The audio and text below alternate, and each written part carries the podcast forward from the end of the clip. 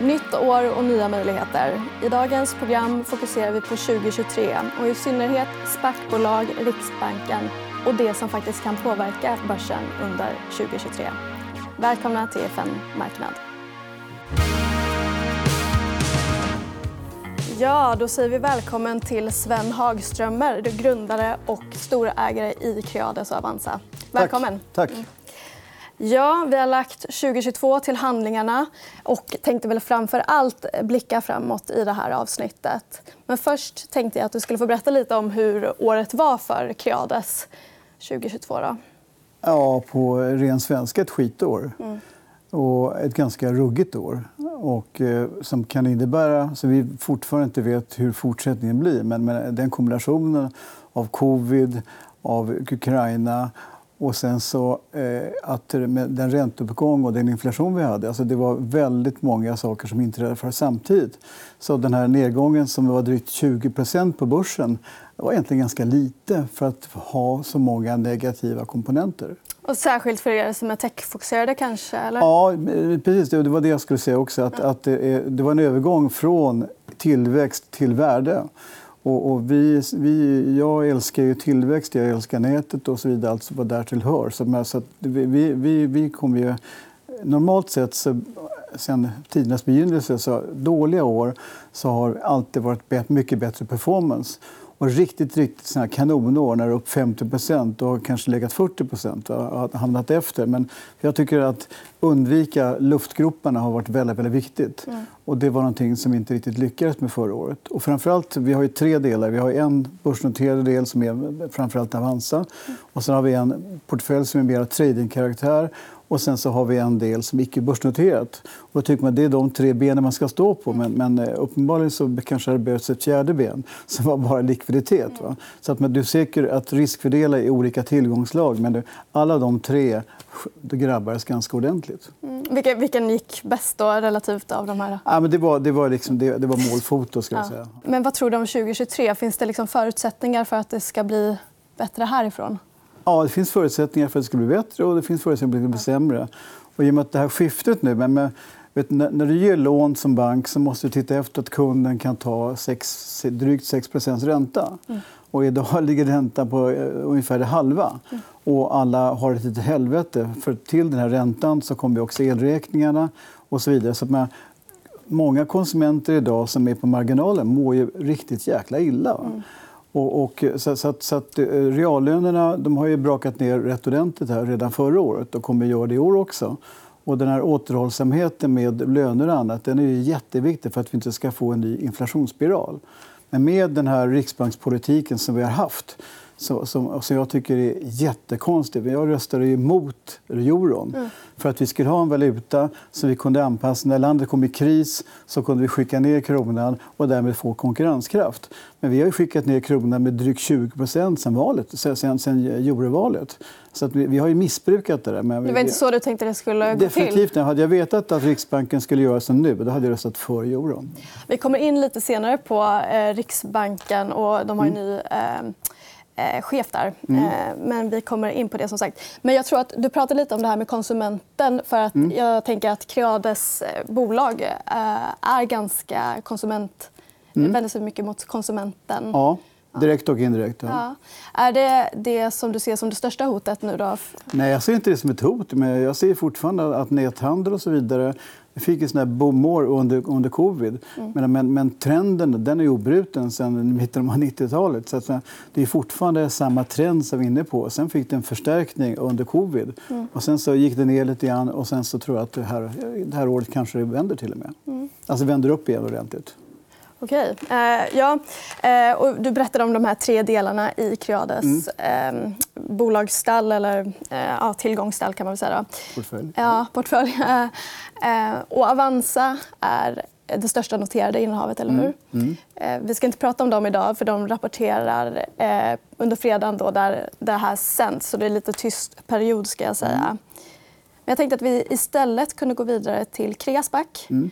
minstingen eh, som kanske också är ett barn av sin tid. Vad säger mm. du där? Jo, men alltså, vår vd John Hedberg han skriver i sin varje kvartalsrapport att eh, marknaden den blir bara bättre och bättre. Säger han. Det vill säga att priserna går ner. Mm. Och I och med att vi sitter med kassan i ordning, vi har, allt, vi har, bara, vi har drygt 2 miljarder i kassa. Mm. Och, och, och, vi, har, vi tar ju tittat på väldigt många bolag och vi har tackat nej till väldigt många bolag för att vi tycker att de har varit för dyra. Och sen har ju då de valt då att komma in på börsen. Och då har vi skenat upp till att börja med och, och samtliga de här ligger under det värde de kom in på börsen med. Så vi, vi känner att, att vi sitter och säger nej, det var ganska klokt. Då. Så att med, vi har ju varit med ett antal år i aktiemarknaden och att, liksom att följa Jan och så vidare. Vi tror inte på det. Vi vill ju ha egna idéer som vi som verkligen tror på. Så det var ett annat riktigt bra bolag. Men, men, men priset är ju också jätteviktigt. Mm. Och, och, vi har ett uppdrag från våra kunder. Och, det här, och i och med att vi har det är gjort så här som en skandinavisk eh, SPAC. I och med att vi får inga gratisoptioner när man gör en affär. De amerikanska är att bara du gör en affär, skitsamma vad det är för någonting, så får du x procent, mm. 20 till, till exempel, gratis mm. i bolaget. Eh, vi, vi, då har vi inget incitament att sitta verkligen nagelfara kritiskt varenda litet objekt. Va? Utan att vi, vi, vi tittar för att det här är våra egna pengar som vi har i bolaget plus att vi har de här optionerna. Men kan du berätta lite om vad det är för bolag då ni letar efter? Nej. Nej. Nej men, vad har ni för kriterier? Jo, alltså, det är bolag, alla de lite portfölj som vi har i Creades. För ja. det, dels gillar vi den, den delen av marknaden och dels är det en bolag som vi kan ganska bra. Just det. Eh, men jag menar, det måste vara något som skiljer, skiljer det åt ja. från Creades innehav. Ja, det är det egentligen inte. Utan det är bara storleken. Här kan vi ta hela bolaget. Ja. Där vi bara kan ta del av de börsnoterade bolagen i Creades för att Creades är med riskfördelning och alltihopa. Här kan vi köpa ett helt bolag. Det är det som är stora skillnaden. Att vi använder den kunskap vi har i Creades, för det är Creades som har uppdraget att hitta de här bolagen. Och, och, och, sen så hittar vi någonting som vi kan och som vi verkligen tror på. Och vi ska ju vara kvar som långa ägare i det här bolaget. Hur stort ska bolaget vara ungefär? Ja, det sitter kring 2 miljarder. Ja. jag tänker, I den storleken kan det inte ha varit så redan att de nu under de bästa bolagen eh, under 2021 eller toppåren här mm. har tagit sig in på börsen för att de ville Eh, och, alltså, om de har velat gå till börsen har de gjort det själv. Ja, för att de tyckte inte att vi kunde betala tillräckligt. Mm. Och det hade de ju rätt i. Så då, då blir det börsen istället. Just. Eh, nej, men... men sen så, sen det, det har ju till och med varit ett bolag där man har köpt tillbaka och håller på att köpa tillbaka. Ja, absolut. Eh, absolut. Eh, det jag far efter tror jag är att liksom, det är bolag i ännu mindre storlek som ofta eh, växer snabbast, där det finns störst potential. Mm. Alltså kanske under miljarden. Mm. Håller du med om det? Jo, vi, vi kan köpa eh, eh, billigare också och till och med betala tillbaka en del av pengarna. Mm. Så vi, vi tittar även på mindre bolag och även större. Vi kan göra nyemission. Så vi har en flexibilitet. Och därför jag sa kring 2-2,5 i snitt. Eh, alltså, men vi har ganska vida marginaler på bägge hållen. Just det. Eh, och, men tiden börjar ju rinna ut ja, vi har, vi har kommit drygt halvvägs. Mm. Så vi har fortfarande tiden på oss. Jag tror, det kommer hända. jag tror inte börsen kommer att stå stilla och stampa på den här nivån fram till att vi, vi tiden går ut för oss. Mm. Utan det, det fortfarande kommer att dyka upp i kölvattnet på den här lågkonjunkturen som vi står inför kommer det komma upp möjligheter. Det är jag rätt övertygad om. Mm. Och gör inte det så får vi betala tillbaka. Just det. Ja. Tror du att det kan bli en affär i år? Nej, jag tror ingenting. Nej. Jag, hoppas, jag hoppas att nu, sen starten att vi skulle hitta en affär snabbt som vi tyckte var bra. Mm. Skulle du se det som ett misslyckande då? Absolut inte. Nej, jag, jag träffade några större ägare häromdagen och de sa grattis, bra att ni hållit i pengarna. Vi är jätteglada för det. ja. Men jag menar, eh, om du behöver betala tillbaka pengarna ja. till... Nej, varför för att det inte blir någon affär? Nej. nej, nej. Ja, men jag, misslyckande, liksom, du, du, kan kalla det väldigt mycket. Men, men, om man gör någonting och sen så ändras förhållandena och sen så anpassar man och sen så jobbar man inte för vårt bästa utan för hela aktieägarkollektivets bästa. Mm. Så att, att, eh, och, du, och sen betalar då Kreasback betalar ungefär 20 procent. Vi tog, vad är vår and, vad är andelen av det totala kombinerade börsvärdet? Mm. Och då, tog att, då betalar de 20 procent av Creades kostnader för att Creades har hand om uppdraget att hitta. Och sen är det styrelsen i Kreasback som sen så nagelfar de propåer som kommer upp och som har bestämmandet. Mm. För, att det, för att inte slösa med resurserna. För vi sitter ju med en portfölj Eh, i, Kroatien som vi är rätt nöjda med. Så där, där, vi, kan, vi kan vara utan de här resurserna under en kortare tid. Just det. Um, men för jag, tänkte, jag sa det här lite barn av eh, sin tid, alltså med spackarna. För du har ju själv sagt att... Ja, eller förlåt? Nej, nej, jag vet inte din fråga. uh, nej, men att ni såg den här möjligheten att ja, ta in pengar och sen föll marknaden som ni hade tänkt. Ja, vi, vi hade liksom pratat ganska länge eh, om att, ja, att köra igång ett eh, PE-bolag. Mm. Eh, för vi ville utvidga vårt revir och då var det ju omöjligt att göra en nyemission. Och sen, så, sen den här kurvan som du visade, det var i kursen. Mm. Det var inte substansvärdet. Nej, och vi hade ju, vi hade ju en, en premie ett tag på 80% nästan. Mm. Så, så, att, så då, då gick vi ut med en nyemission också med en miljard. Så vi ökade på. Vet du, jag har ju hållit på med det här några år, eh, innan du föddes. Skulle jag säga, påstå. Och liksom att det fanns en premie på ett investmentbolag. Ja. Då, då, då hade folk trott att du var tokig. Så att göra en nyemission på ett investmentbolag det är helt unikt. Mm. Så, så, så att, eh, och, och, då tog vi nyemissionen och sen en månad senare så tog vi spacken. Mm. Så, att, så då plockade vi in en, en 3,5 miljard kronor från aktiemarknaden. Hur mycket har ni använt av det, förutom då Nej, den här vi, har, vi, har kvar en, med, vi har kvar knappt en miljard i kassan i Creades plus då det som jag räknar som likviditet. Och det är vårt innehav i Creasback. Och då blir vi lite drygt en miljard. Nej, det blir cirka en miljard. Just det. Men eh, eh, det jag for efter med min fråga här nu var tror du att de här spackarna är en trend som kommer ut nu lika snabbt som den kom nästan? Om man ska vara... Det lättaste var att säga att ja, det där var ett barn av sin tid, precis som du sa. Mm. Men jag tycker att det finns så pass mycket i de här skandinaviska spacken. För vi tog ju rygg på buren när vi gjorde det. Det. Och, då, och då, det var liksom nästan att när vi såg vad de hade gjort, det var då vi bestämde oss. Vi kör det här, vi gör som Bure dels så gillar jag Bure och vad de gör och det sättet de jobbar på. Och sen så att de hade gjort det, så det här var inte girigheten, det här var ett jäkligt seriöst sätt att göra det på. Och då, då, bara, då snodde vi deras, deras idé. Copy with pride som det heter. Mm. Eh, ja, men jag tänker vi lämnar dina bolag nu och mm. går vidare till lite mer efter det här året. Eh, ekonomin i stort. Du har varit inne på lite olika eh, saker där som mm. kan hända och vad som har hänt. Men du är ju, verkar ju vara säker på att vi är på väg in i en lågkonjunktur som de flesta andra bedömare. Ja, ja. Ja. Eh, men vad tror du att den största risken är nu i år? Då? För att den här krisen eller lågkonjunkturen är ju lite annorlunda eh, mm. från tidigare år. Jo, men den största risken i år är ju då att eh, det är konsumenten. Nu, nu, är, alltså konsumtionen i USA är en mycket större andel av BNP än vad det är i Sverige. Så vi har en bredare ekonomi än så. Men för första är vi då en utsatt ekonomi. Alltså 50% av allt vi gör av varor och tjänster exporterar vi. Så att vår konkurrenskraft, och det är det här som jag inte gillar med den riksbankspolitik vi har haft i och med att man har då devalverat kronan med, med drygt 20% sen eurovalet. Det har ju då gjort att förändringstrycket för vårt näringsliv har varit väldigt begränsat. Så folk har nästan kunnat sitta med armarna i kors och ändå tjäna rätt mycket pengar. Eh, I min värld så hade jag sett att, att om lite mer hade gått till löner och, och lite mindre till vinster så hade vår ekonomi... Min, alltså jag är så naiv så jag tycker att Sverige ska ha världens högsta löner. Och för att ha världens högsta löner måste man ha världens bästa skolor. Så, och, och, och, att det, allting börjar med skolor. Och vi har haft en väldigt bra generell utbildningsstandard i Sverige. Mm. Och där håller vi på att förlora, det försprånget. Och, och, och, det är därför jag personligen engagerar mig väldigt mycket i skolan för att vår skola ska bli bättre. Ska bli bättre. För det är där allt välstånd grundläggs. Mm.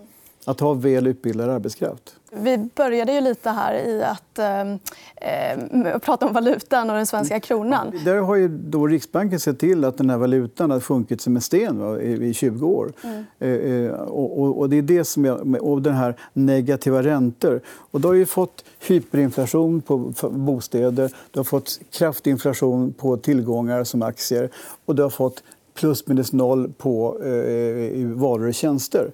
Och vi har haft en ganska liten ökning av reallönerna. Du har fortfarande haft en ökning, men ganska liten ökning. Och, och då har vi fått en hel generation idag som bor kvar hos sina föräldrar för de har inte råd att bosätta sig. Mm. Är det det som är, och, då, och Ingves har ju sagt också att det här bekymrar honom. Mm. Men du kan inte bara sitta och lägga pannan i djupa veck och vara bekymrad. Då får du arbeta och se till för att systemet riggas så att de här effekterna inte uppnås. För då har ju Riksbanken varit i och med, att med negativa räntor så har du i princip fått betalt för att låna pengar. Mm. Det är helt absurt. Mm. Och spararna, de som är med Spara slösa som vi hade förr i världen, mm. att, liksom, att, att, att, att eh, de, de, som har satt in pengar på banken har inte fått någon ränta och de som har satt in på börsen har fått bra avkastning. Det är ett system som inte fungerar. Ja, men nu, Dysfunktionellt. Ja, vi är ju inne nu på de här Riksbanken och Finansinspektionens eh, och Finansinspektionen är, de är, det, de är, det är framförallt i Riksbanken. Ja, jag tänker också på amorteringskrav och liksom såna grejer på bostadsmarknaden ja. som kanske skulle Om amorteringskraven tycker jag nämligen att, att eh, jag tror inte att det är det stora problemet. Jag förstår att det är ett sätt för myndigheterna att bromsa ja. kanske ja. skuldsättningen. Va? Men, men, men, men, att i det här läget, när vi har extraordinära förhållanden och folk liksom har riktigt stökigt vet du, med sin familjeekonomi så, så tycker jag att amorteringskravet, att ta bort det tillfället, tycker jag man skulle kunna göra. För nu ligger ju uppdraget då hos Erik Thedéen som tidigare var hos, på Finansinspektionen. Vad, vad tycker du är hans eh, största eh, huvudbry eller vad han behöver göra nu? Ja, men jag hoppas att han gör en ordentlig genomlysning av hela Riksbankens eh, politik, alltså den förda penningpolitiken de senaste åren. Och sen, sen tycker jag om personer som Erik Thedéen. Han talar ur skägget. Du behöver inte ha någon kremolog som ska tolka honom. Vad menar han egentligen? Alltså, och det har ju oftast med centralbankschefer som talar ett enda gåtor så har du ett gäng förståsigpåare som ska översätta deras fikonspråk till ett språk som folk kan förstå. Mm. Jag tror Erik Thedéen kommer införa en ny kultur tror jag, på Riksbanken internt. Mm. Och, och, på Riksbanken har väldigt duktiga medarbetare. Och jag tror de har eh, inte riktigt eh, utnyttjats till sin fulla potential. Så jag tror att den här öknen, om vi ska nu vara lite, lite lättsamma, ja. Eh, den, den kommer, på, på Brunkbergstorg kommer blomma. Och du vet, det finns något som heter, har du hört talas om ränteigelkotten? Just det. Mm. Och, vet du, och det är att Riksbanken har ju då sett, konstruerat räntebanor vad de tror att det kommer närmaste framöver. Då. Och det har hela tiden varit att räntan kommer att gå upp. Och då har de liksom, år efter år, månad efter månad har de sagt att räntan kommer att gå upp. Och hela tiden har räntan gått ner. Så den här ränteigelkotten den hör hemma på Skansen snarare än på Runkbergstorg. Det är fullständigt värdelöst för man tycker att Riksbanken, om någon ska veta vad som händer i ekonomin så är det ju Riksbanken som ska vara den kunnigaste på området. Och de har totalt misslyckats i sina prognoser. Vi ska runda av lite här, men då måste jag ställa en eh, börsfråga här i slutet. Och det är vad du tror att börsen kommer sluta på för 2023. Jo, den kommer sluta. Nej, men vilken nivå? Nej, men vet, jag, jag, vet, här sitter du och jag. Det är den i mitten på januari. Och sen så har vi då 11 månader. Men hade jag vetat i december 2021 vad som skulle hända 2022 då hade jag trott att börsen skulle gå minst 30 och, och, samma sak året innan. Hade jag vetat 19 att det skulle bli covid och hela världen skulle bli förlamad så, så trodde jag att det skulle gå fullständigt åt helvete. Så, så att det, att börsen, du jobbar under osäkerhet, men även om du visste vad som skulle hända så blir det inte riktigt som du har tänkt dig. Och, och, så att jag tycker det är enorm respekt. Men om du lovar att bjuda in mig en gång i veckan här, då kan jag säga att närmaste veckan så ser det ganska hyggligt ut. Men, se, men ser du någon... Eh, liksom... jo, jag, jag, ser, alltså, din fråga, jag förstår att du ställer frågan. Men när det gäller inflationen ja. så går det som vi tror så har vi sett, ser vi toppen just nu. Va? Men samtidigt så har ju inom servicesektorn och alltihopa, så vi ser när vi upphandlar revis, revisorsarvoden och sånt där, då har de, alltså där finns det indexklausuler och annat som gör att det ska upp med konsumentprisindex. Ja.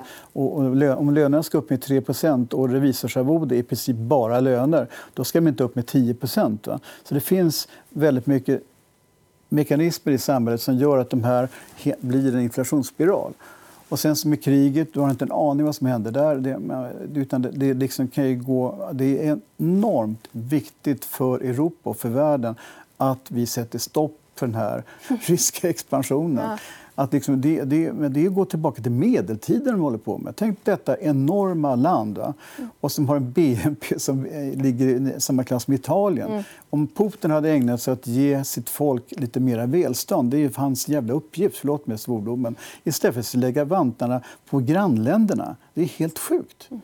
Och det, men det är jättebra. Han har enat Europa, han har enat Nato. Vi har kommit in i Nato nu och nu har vi fått en gräns mot Ryssland och Nato som är mycket, mycket större. Och det gör ju att Reagan en gång i världen han satte ju fart på ryssarna så att de satsade så enormt mycket av sina resurser på ett starkare försvar, eller anfall snarare. Så att det knäckte deras ekonomi.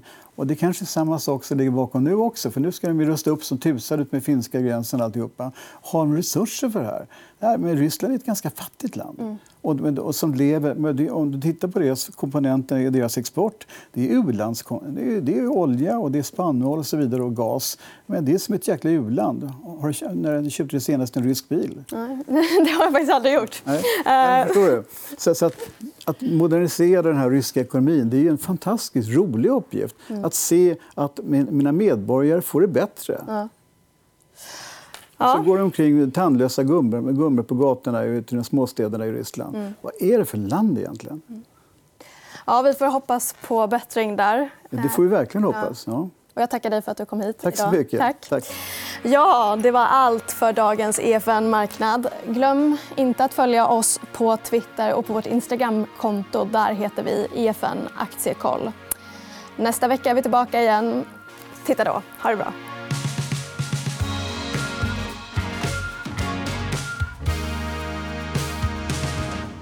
Du har lyssnat på EFN Marknad, en podd av EFN Ekonomikanalen. Mer om ekonomi och aktier finns på efn.se.